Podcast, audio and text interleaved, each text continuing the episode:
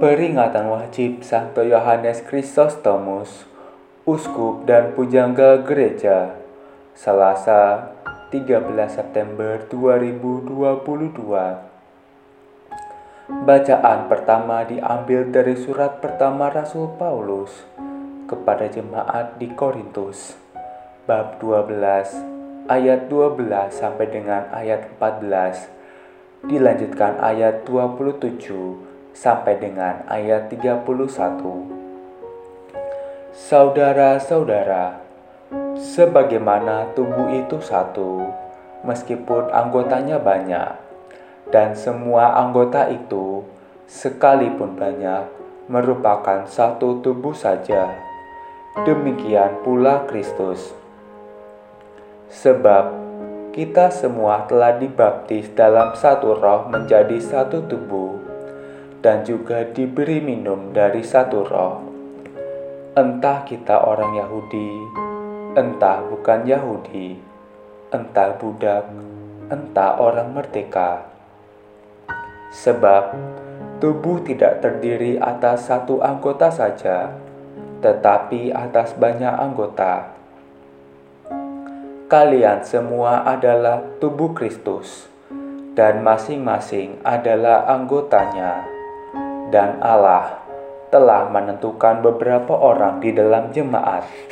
Pertama sebagai rasul, kedua sebagai nabi, ketiga sebagai pengajar.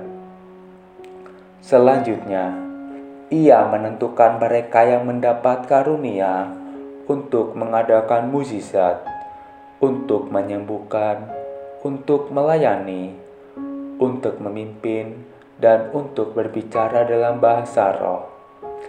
Adakah mereka semua rasul atau nabi atau pengajar? Adakah semua mendapat karunia untuk mengadakan mujizat atau untuk menyembuhkan atau untuk berbicara dalam bahasa roh atau untuk menafsirkan bahasa roh?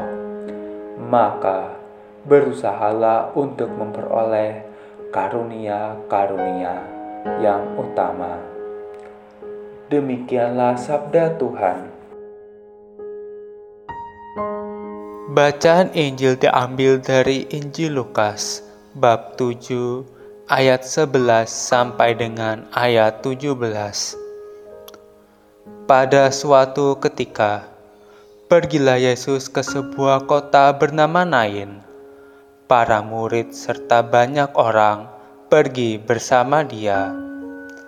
Ketika ia mendekati pintu gerbang kota, ada orang mati diusung keluar, yaitu anak laki-laki tunggal seorang ibu yang sudah janda.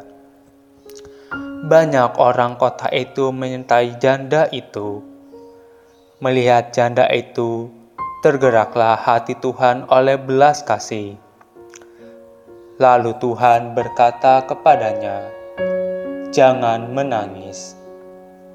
Dihampirinya usungan jenazah itu dan disentuhnya. Maka para pengungsung berhenti. Tuhan berkata, "Hai pemuda, aku berkata kepadamu, bangkitlah." Maka bangunlah pemuda itu, duduk dan mulai berbicara, Yesus lalu menyerahkannya kepada ibunya. Semua orang itu ketakutan, dan mereka memuliakan Allah sambil berkata, "Seorang nabi besar telah muncul di tengah-tengah kita, dan Allah telah mengunjungi umatnya." Maka tersiarlah kabar tentang Yesus ke seluruh Yudea dan ke seluruh daerah sekitarnya. Demikianlah sabda Tuhan.